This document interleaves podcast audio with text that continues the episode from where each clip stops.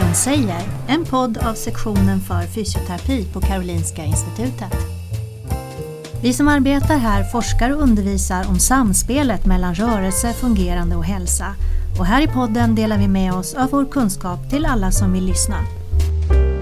Fysion säger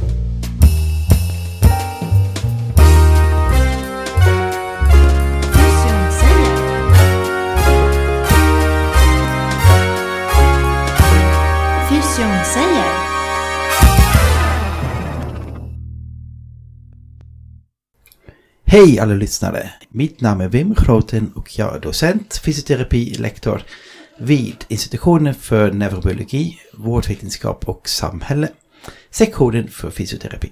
Idag i studion har vi Cecilia Fredén som är docent på Karolinska institutet vid samma sektion.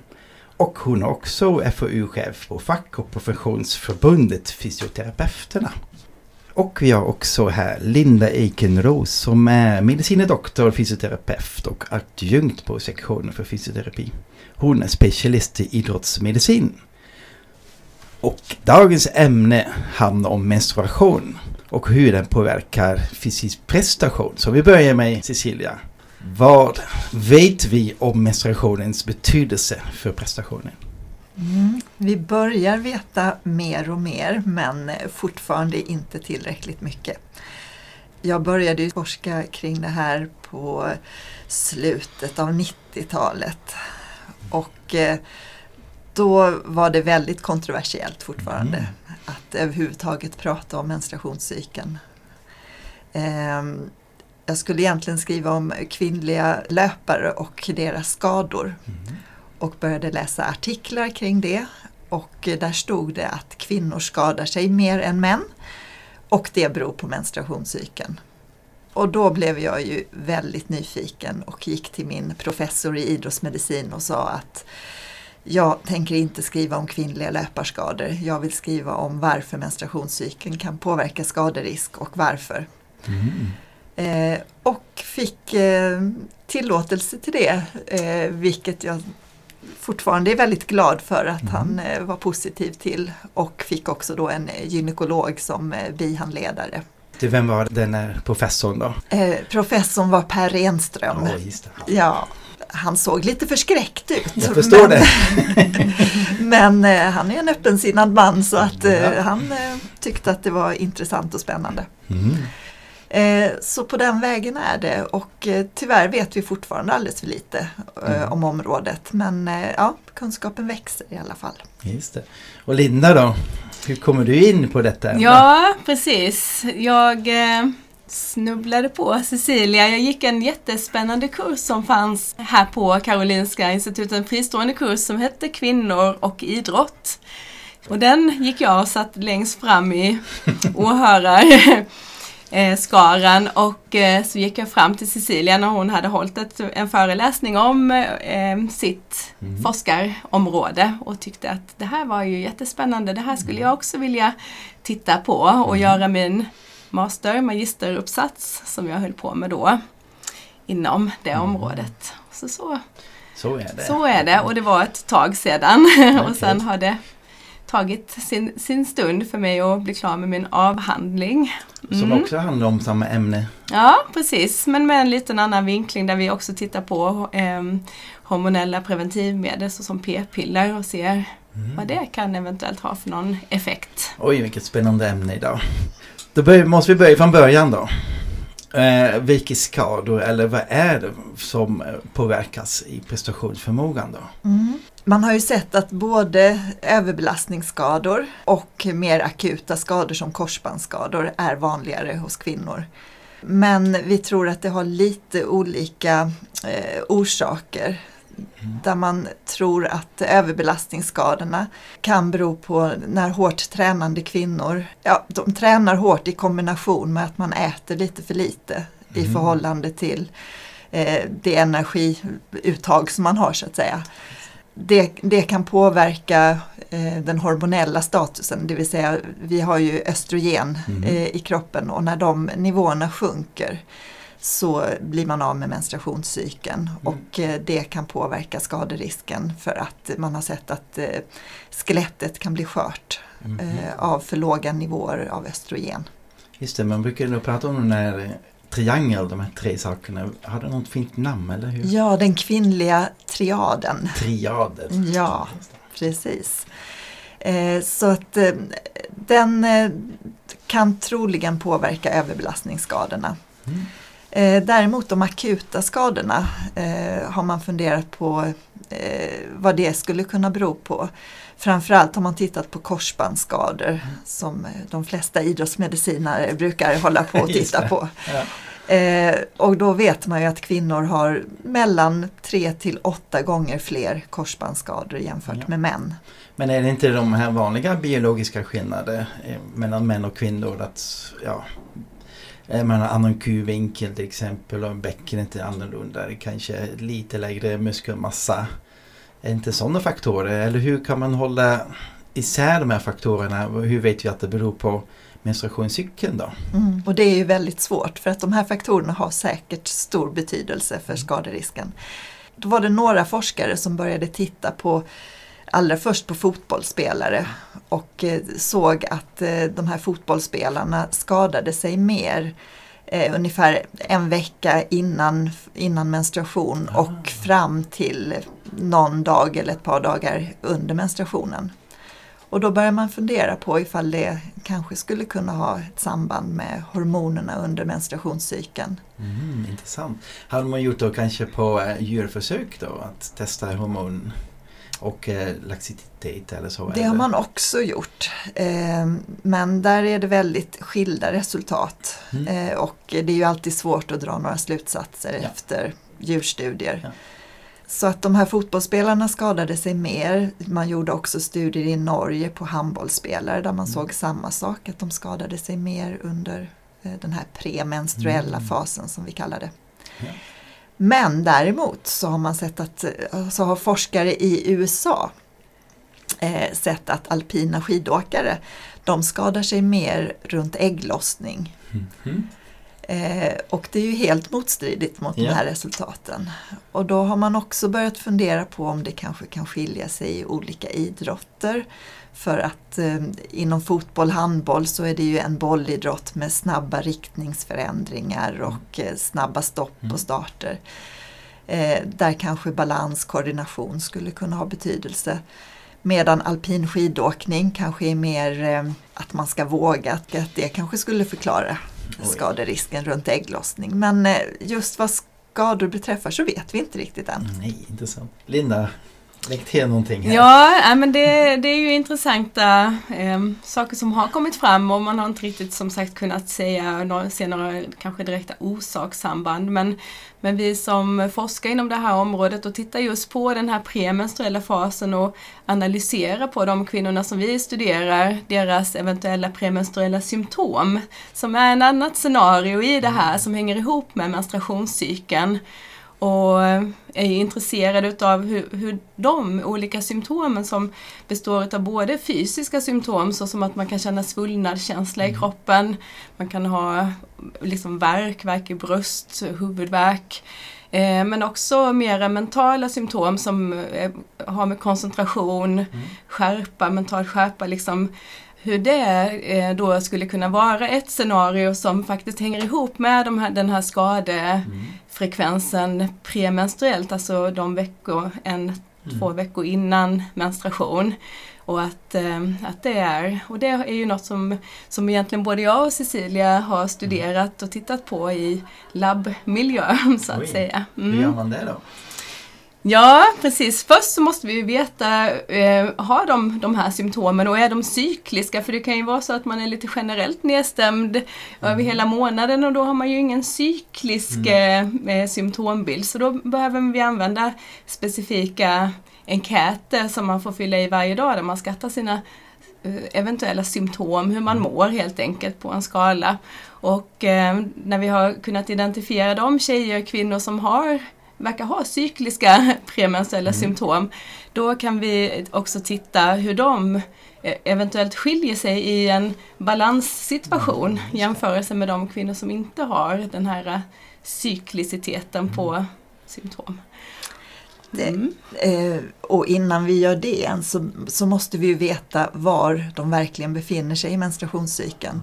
Mm. Och därför så har vi i våra studier alltid tagit blodprover för att kontrollera att de verkligen har ägglossning till exempel. För även en, en normal menstruation, eh, menstruationscykel, där har man inte alltid ägglossning. Och det är normalt men för att kunna dra några slutsatser så behöver vi veta det. Mm. Så att i våra studier så har vi tagit blodprover både eh, ett par dagar efter menstruation, sen när vi tror att de har ägglossning och för att veta för att veta när de överhuvudtaget ska komma in till oss och göra tester så har de fått använda sådana här ägglossningsstickor som man eh, tar i urin. Mm. Så de fick med sig sådana hem, testade sig själva när den här visade blått, då skulle de ringa och komma till labbet inom 24 till 36 timmar. Det är otroligt vilken typ av forskning som fysioterapeuter håller på med. Fantastiskt. Och då kan man säga att då var det jour dygnet runt och eh, dessutom när försökspersoner börja, test, börja tänka på sin menstruationscykel, då plötsligt så får de inte mens alls. Och de, mm. För man vet ju att stress och så kan ju påverka menstruationscykeln. Ja, och att vara med i en studie är ganska lite stressigt ändå. Precis, mm. så att det, det, kunde ibland gå flera cykler innan vi fick in dem på rätt tid och så. Men eh, ja, så det är lite utmanande med den här typen av studier. Jag förstår det, verkligen intressant. Jag tänkte på, vi pratade lite skaderisk, men är man, man tänker som idrottsman, vill man uppnå bästa prestation då? Det, hänger det också ihop då med, med en cykel? Måste man tajma in någon speciellt, när är man starkast och snabbast och bäst? Ja, precis. Och det där är ju ett väldigt hett område nu, mm. för alla vill ju prestera på topp. Ja. Helst hela tiden. Ja, eller på OS i alla fall. ja, på OS, precis. Man vill eh, försöka få så bra resultat som möjligt av sin träning. Mm. Och då är det också ett spännande område att titta, är det så att vi i någon fas, för det är ju så det fungerar med menstruationscykeln, Cecilia har nämnt här att vi har ju östrogen och vi har ju andra hormoner också. Progesteron är ju ett, ett viktigt hormon också som styr i menstruationscykeln.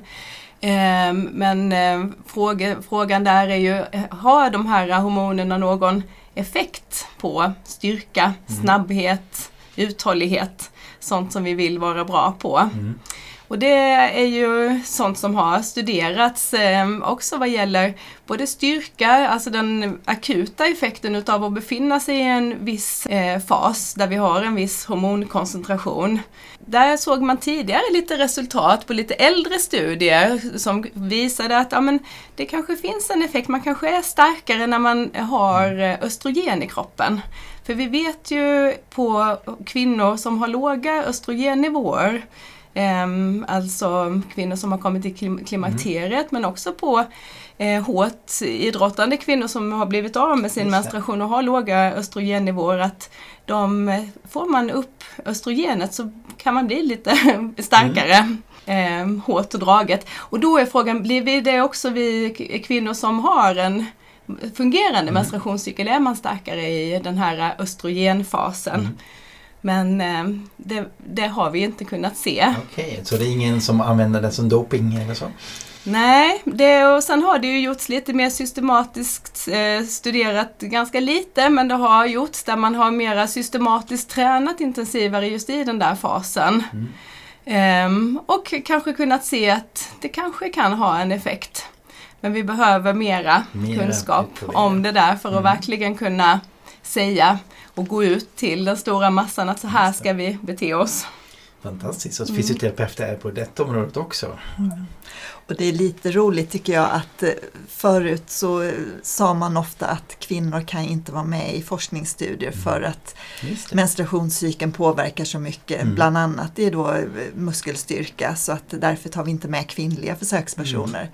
Men eh, där har väl vi visat i alla fall i, i de studier vi har gjort att muskelstyrkan verkar inte variera under menstruationscykeln så det finns ingen anledning att eh, utesluta kvinnor. Och dessutom så är ju kvinnor hälften av befolkningen så vore det ju ganska synd om vi uteslöt dem från alla studier. Eh, om vi nu går vidare, vi var inne lite grann på den här med svårigheterna med forskningen här och eh, jag tänker på eh, ämnet i sig, är det svårt att få anslag för det här? Som fysioterapeut så tror jag att vi har hamnat lite mellan eh, idrottsmedicinen och gynekologi. Och eh, därför så kan det vara ganska svårt att få, få medel för de här typen av studier. Ja, men de måste vara otroligt dyra också. Svårt att genomföra. Det är mm. alldeles sant. Däremot tror jag det är lättare när man mer riktar det mot det ena eller det andra ämnet. Så till exempel när det är mer gynekologiska studier eller mer eh, medicinska. Vi gjorde till exempel en biopsistudie. Mm. Eh, vad, är det, vad är det för något? Eh, ja, vi tog eh, i olika faser av menstruationscykeln så tog vi ut en liten bit muskel från lårmuskeln mm. För att analysera ifall receptorerna för olika eh, hormoner påverkas. Mm. Och resultatet? Eh, det verkar som att eh, det är olika uttryck av de här mm. receptorerna under olika faser av menstruationscykeln. Vad det sen betyder i praktiken vet vi inte. Nej, men, men, det är lättare att få pengar för den typen av studier när man rent liksom, när man gör något grundforskning. Men sen när vi ska tillämpa det och se, har det verkligen mm. någon betydelse för hur vi presterar eller hur vi mår? då blir det genast svårare och då hamnar man väl lite mellan de här ämnena också. Ja. Jag tror att fysioterapeuter vill ha den här kliniska kopplingen hela tiden. Linda? Ja, och så är det ju verkligen och det var ju också ett, dels att jag träffade Cecilia den där gången på kursen men också naturligtvis att jag är kliniskt verksam sedan många år tillbaka inom mm. just eh, idrottsmedicinen och träffar de här unga kvinnorna och även mm. kvinnor i alla åldrar egentligen men mm. man ser många unga kvinnor som ådrar sig de här eh, allvarliga knäskadorna i tidig ålder och funderar lite grann, kan vi inte försöka förstå det här lite bättre så att vi mm. kan göra någonting åt det? För vi vet ju att har man en Får man en traumatisk eh, korsbandsskada till exempel i unga år så har man en större risk att drabbas av artros i den leden ja. tidigare än än ja. andra som inte har fått skadan. Det finns nu i varje fall, eftersom ni två sitter här med massor med kunskap, det finns en del kunskap om området. Hur får ni ut den då till de drabbade? Den här triaden, pratar ni om den? Eller vilken grupp riktar ni in er på? Är det andra fysioterapeuter? Utbildningssyfte till exempel? Eller hur jobbar ni? Jag har försökt att vara ute en del i idrottsklubbar och så för att det är viktigt att både lära de aktiva själva eller få mer kunskap om hur menstruationscykeln kan påverkas. Men jag skulle ju gärna se att vi kom ut mer till tränare och ledare inom idrotten. För där gjorde nyligen, eh, eller nyligen ett par år sedan, Aftonbladet, i och för sig en ganska kanske ovetenskaplig studie, men man gick ut och frågade väldigt många elitidrottare om, eh, om eh, tränarnas kunskap om det här området och om man överhuvudtaget eh, kunde prata med sin tränare om menstruation eller om graviditet till Just exempel. Det. Och då uppgav de allra flesta att det pratar man inte om. Det är fortfarande ett väldigt tabubelagt Oj. område. Så jag önskar ju att vi skulle kunna lyfta det så att det är lika naturligt att prata menstruation som att prata andra mm. fysiologiska saker i kroppen. Mm. Eh, och där har ju faktiskt några elitidrottare nu gått ut och varit goda exempel. Till exempel Lotta Schelin gick ut och, och pratade om menstruation vilket gjorde att det fick större uppmärksamhet ett tag. Bra. Linda, är du ute bland tjejerna eller? Ja, nej men det är också, man vill ju komma, kunna komma ut mera och, och just försöka få tränare och, och liksom också förstå att det, det påverkar ju de aktiva. Mm. Att eh, de har ju bekymmer med mm. lite hur, vad de, om de har mens så kanske de inte vill göra vissa saker för att de har besvär utav det och en del står inför frågor om man ska äta p-piller eller ska inte äta p-piller. Mm. Påverkar det? Ja, ska vi stanna där lite? Ja. p-piller p-pillernas Ja. vara icke vara. Precis, det är ju det. Och vi vet ju att det är, det är nästan hälften utav liksom, unga fertila kvinnor äter p-piller, 40-45 procent ungefär. Och, eh, hos de som idrottar är det lika stor andel som hos icke idrottande kvinnor. Så att det är, det är ju vanligt förekommande så det är ju högst eh, relevant att förstå. Är det här någonting som påverkar de här tjejerna? Det har också studerats lite granna. Det, har ju, det kommer ju så att säga hela tiden nya sorters p-piller och de blir mer och mer lågdoserade och då är det ju sett till eh, framförallt östrogenkomponenten, den syntetiska östrogenet. Östrogenet verkar vara det intressanta. Ja, delen. men precis. För tittar man på gamla p-pillerstudier från 70-talet då kunde man ju se den här ana- anaboliska effekten utav p-piller, att de hade väldigt höga östrogennivåer. Så det är väl antagligen någon dos-responsfråga där vad gäller östrogen. Men dagens eh, mer moderna p-piller har ju väldigt, väldigt låga nivåer med eh, syntetiskt östrogen. Och man kan säga att p-piller, använder man p-piller, de vanligaste sorterna, så får man en eh, hormonkoncentration som blir någon slags steady state i kroppen, att det liksom blir samma nivå hela tiden. Okej. Och så då har vi inte den här variationen som vi har normalt sett. Är det bra eller dåligt? Ja, och det funderar man ju lite grann på. Och just sett ur en, en skadeaspekt som vi pratade om tidigare så har ju några studier faktiskt kunnat visa där man har gjort ganska em, lite mer enkätstudier där man når en större population än vad vi kan göra i våra experimentella studier. Men då har man, har man sett att det verkar vara så att de kvinnor och tjejer som äter p-piller har en lägre skadefrekvens. Oj. Och då undrar man ju varför är det så? Ja. Ja. Och då har vi tittat lite grann på muskelstyrka, om det kan- påverka sig Mm. att man äter p-piller. Men det, som sagt, sett till de där låga nivåerna på östrogen så har vi inte kunnat se i studier Nej. det. Ehm, Det finns ju flera, flera komponenter i p-piller p- p-pillerna som skulle kunna vara intressanta för vi har ju östrogenet men sen har vi den här progesteron Jaha. komponenten. som, det där är en hel vetenskap i sig, men den kan binda på androgenreceptorn och då får man ju mera androgena effekter. Mhm. Och androgener det är ju eh, anabola Ja. Effekter. Så, och, så där specifikt har inte p-piller studerats, men skulle man sätta upp en sån studie så kanske vi skulle få en, andra resultat. Ja, jag Det hoppas, får att det framtiden visa. fin- jag hoppas att det finns några eh, lyssnare där ute med en pengpåse ja, som kan stimulera den här typen av forskning. just det. Det som är problemet med den här typen av forskning är ju också då att eh, vi vet ju inte att de kvinnor som, som fortsätter att använda p-piller är kanske också de kvinnor som inte har så mycket biverkningar av det. För det finns ju ändå vissa biverkningar av p-piller. Så det är alltid svårt. Vi gjorde ju ett försök i, i Lindas avhandling att först låta dem använda p-piller och sen sluta. Eller så, så hade vi de som, eh, som inte åt p-piller från början och sen fick börja med det.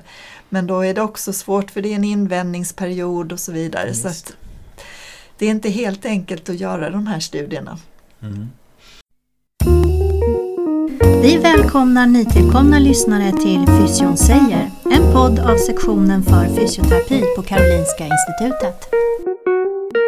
Ja, vi sitter här då i studion med docent Cecilia Fredén och medicine doktor Linda Ekenros och pratar menstruationscykeln. Jag var inne på det där med p-piller och eh, jag vet att p-piller och övervikt kopplas ihop. Ja, det är ju just det med p-piller och det är ju väldigt eh, av intresse för eh, våra, alla kvinnor naturligtvis, men idrottskvinnor och de som håller på med uthållighetsidrott är ju i synnerhet eh, eh, bekymrade över en Ja. sån eventuell bieffekt. Man har studerat det och tittat på det om, eh, om det är så att eh, man skulle gå upp i vikt och, eh, utav att äta p-piller. Och det man har sett i studier är att de kvinnor som har en en undervikt, ett väldigt lågt BMI, tenderar liksom att bli lite mer normaliserad. Kvinnor som är normalviktiga är, har det ingen påverkan på. Eh, Det är det man har sett. Och sen när man tittar vidare på vad man har sett för effekter just med styrka så kunde vi inte se någonting. Eh, På ut, uthållighet där man mäter den maximala syreupptagningsförmågan som det ofta är den Mm. enheten vi mäter i. VO2 kondition max. som vi kondition, kondition när man är ute och springer liksom. Ja, Har det någon effekt? Och där verkar det också kunna vara så. Det, det lilla, det är väldigt sparsamt studerat så det är ju inga Nej. Eh, absoluta slutsatser som kan dras. Men att väldigt eh, väl uthållighetstränade, väldigt, kvinnor med väldigt bra kondition skulle eventuellt kunna få en försämring utav p-piller. Men eh, oss som joggar lite till vardags Mm. verkar det inte kunna ha så stor skillnad för. Kan man säga.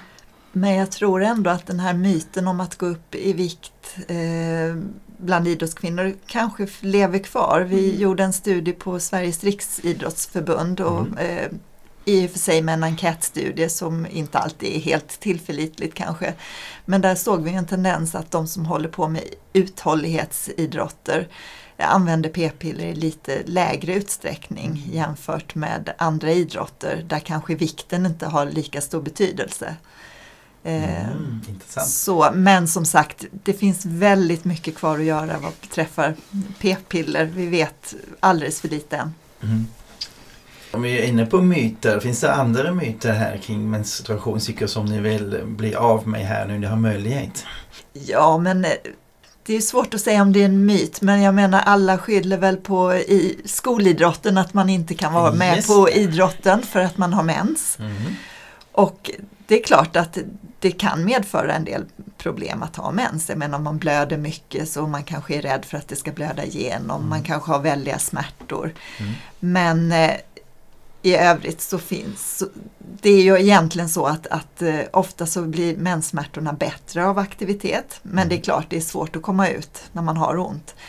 Eh, men det finns ju å andra sidan också väldigt bra smärtstillande medel nu så man ska inte behöva ha så stora menstruationssmärtor så att man eh, inte kan klara av att vara med på idrotten. Eh, däremot så ska vi också komma ihåg den gruppen som har riktiga problem. Jag tänker gruppen med endometrios. Jag hoppas att tabun ska försvinna så att man faktiskt vågar söka hjälp och vågar söka hjälp i tid. För att det finns de kvinnor som har verkliga problem. Mm. Men i övrigt så kan man delta. Okej, det var en bra grej. Linda, hade du någon myt som du vill knäcka här nu? Men vi har väl vi har pratat en del om det här med ja, gå upp i vikt och om det, man kanske tror att det har en styrkeeffekt och sådär men det verkar inte ha så stor effekt. Eh, men, eh, men sen kan man ju komma in på ett annat område som också rör kvinnor, det är ju med graviditet och, och det, idrott och träning och där har ju Cecilia mera, Mm, mera ja, forskning kring det. Ja, jag vet inte om det kanske är ett helt annat avsnitt. Men naturligtvis behöver man ju ha en fungerande menstruationscykel för att bli gravid. Men eh, jag tror att det blir ett område som eh, får, Som får som Kanske- får ett extra avsnitt tror jag. Nästa på, för kanske. graviditet och träning är ett hett område också. Eh, däremot så, så tänker jag också på det här med premenstruella symptom. Eh, de allra flesta känner av var man befinner sig i menstruationscykeln. Det gör nästan upp till 90 procent av alla Mm. kvinnor. Sen eh, finns det de som, som har svåra besvär med premenstruella symptom och ungefär 4-5 procent av Sveriges, eh, Sveriges kvinnor har så stora problem att man faktiskt eh, behöver sjukskriva sig och inte orkar gå till jobbet. Mm. För att man har huvudvärk, mår psykiskt dåligt, eh, deprimerad och så Mm. vidare. Eh, och det tycker jag också är lite roligt att förr i tiden så fanns det också en myt då att det här var eh, de här problemen uppstår ju efter ägglossning. Mm. Och det var ju för att kvinnor var så besvikna efter ägglossning när de Ja. inte hade blivit gravida. Så att då blev de så deprimerade. Okej. Och sen så fick de ju en ny chans nästa ägglossning så då var man glad igen. Okej. det var bra. Vi började programmet med att prata om skador. Ska vi gå tillbaka till skador? Jag tror fysioterapeuter och idrottsmedicin, det är det medicinska. Ehm, vi nämnde korsbandsskador. Är det några andra skador som är överbelastningsskador? Vad menas med överbelastningsskador egentligen? Mm. Eh, en över, ja precis, det är ju, den där definitionen är ju väldigt intressant och där kan man ju ifrågasätta sig är en korsbandsskada också en långvarig överbelastningsskada som vid ett tillfälle helt plötsligt blir en akut skada. Den där eh, kan Ja, man ju kan också, det blir en ny podd för den, den diskussionen med tror jag. Men en överbelastningsskada är ju liksom så att säga en, en me- mekanisk nötning som har pågått över tid. Ja. Och de kvinnorna som vi pratar om här det är ju just den här urmineraliseringen ur skelettet som vi vet Mm. att östrogen är en viktig komponent i benuppbyggnad. Mm. Och vilken Eh. del av skelettet är det? Precis, så det är ju Fotleden? Ja, just det. Man kan ju säga att eh, skelettet det blir en generell eh, nedbrytning Mm. eller, eller avsaknad av uppbyggnad kan man ju säga. Mm. Ehm, men där vi ser de här stressfrakturerna, det är de som, vi, som är en typ av överbelastningsskada som, som Mm. kan drabba kvinnor som har varit eh, med låga östrogennivåer över längre tid. Mm. Eh, och det vanligaste lokalisationen för de skadorna är ju under, underben och fötter. Mm. Eh, det är det ju och det är, för, det är där vi har belastningen på Ja. med löpningen.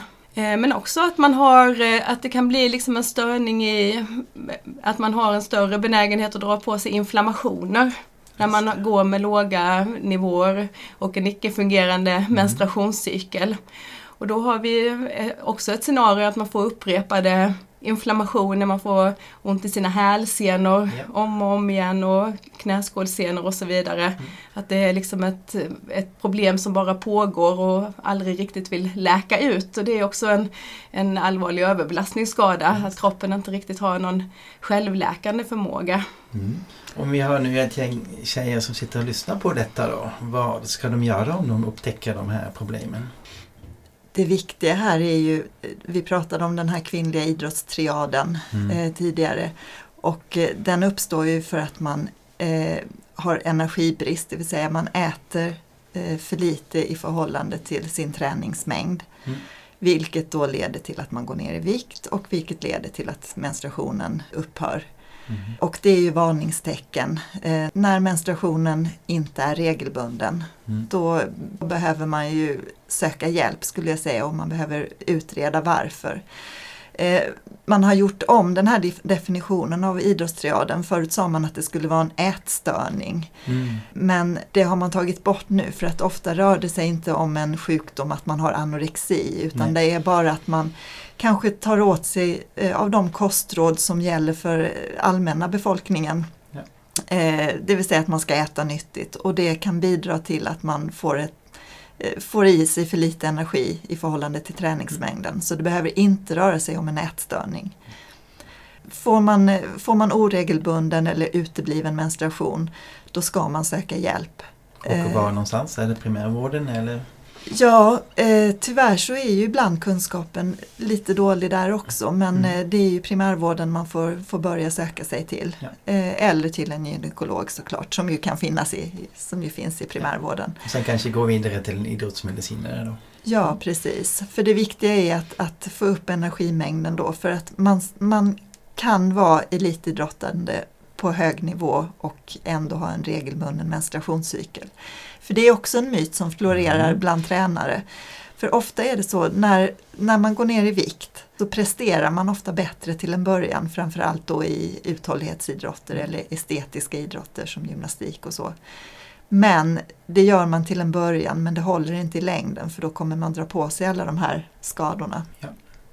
Så det är viktigt att veta att man kan idrotta på högsta nivå men fortfarande ha en normal menstruationscykel. Ja, då har vi kommit till slutet av podden här nu, Cecilia. Väldigt intressant att lyssna på detta och Linda, tack så mycket att ni kom hit. Men Cecilia, du ville säga något sista? Jag tänker bara att jag är väldigt glad för att utvecklingen ändå har gått framåt från eh, att jag började som doktorand till, eh, tills nu. Att vi pratar mer om menstruationscykeln. Jag kan höra på mina egna barn att det är inte alls lika jobbigt att prata om längre. Det kommer mer naturligt. Så att min högsta önskan är ju att tabun kring menstruation ska försvinna både i Sverige men framförallt i övriga världen också där det fortfarande kan vara så att flickor inte går i skolan under menstruation och så vidare. Så att eh, vi får vara föregångare i Sverige. Tack så hemskt mycket för dessa fina ord. Tack Linda, tack Cecilia. Tack så mycket.